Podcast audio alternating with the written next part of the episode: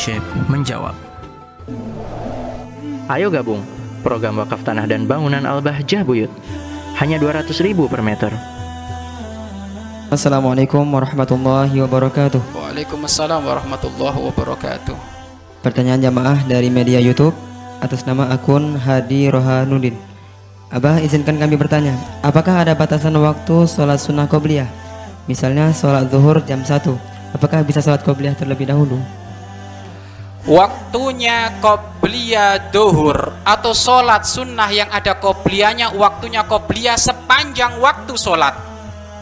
Sepanjang waktu so, sholat. Kalau sekarang ada orang masuk ke masjid sholat subuh sudah dikumandangkan dan dia belum sempat qobliyah maka qobliyah boleh dikumandangkan setelah sholat berjamaah subuh dan itu bukan jatuhnya kodok bukan tapi jatuhnya tetap ada kenapa waktu qobliyah memanjang seperti waktunya sholat fardu.